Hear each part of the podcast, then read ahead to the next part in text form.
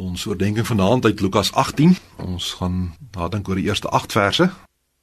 Ons teksvers, die tweede deel van die 8ste vers.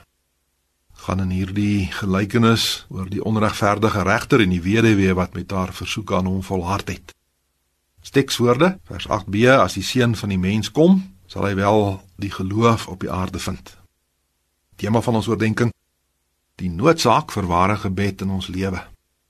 Dikwels word hierdie gelykenis uitgelê asof Jesus leer dat ons net moet aanhou om te bid, want uiteindelik sal God wel toegee, net soos die onregverdige regter gedoen het.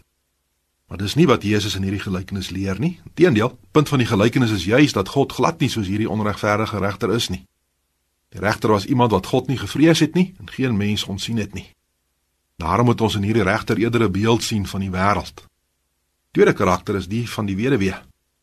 Vanuit die versekering van vers 7 dat God gou reg sal doen aan sy uitverkorenes, word dit duidelik dat ons ook na die identiteit van hierdie weduwee dieper sal moet kyk. Sy is uiteindelik beeld van die kerk van die Here wat swaar kry onder die onregverdige optrede van die wêreld. Die gelykenis handel dus ten diepste oor die gevaar van gebedstamheid by die kerk. Swak skakel in gebed is nooit God nie. Terwille van sy seun staan hy gereed om ons te versorg met ryk gawes uit die skathuis van sy seun se verdienste.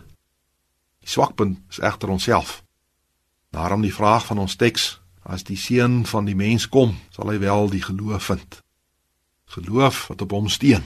Mense wat alles van hom vra en verwag, mense wat God ken as ons Vader in Christus. Moenie ophou om te bid nie. Dis die merkteken van ware gelowiges. Kom ons bid saam. Ons Vader in die hemel, dankie dat U hoor. Dankie dat ons by U kan pleit.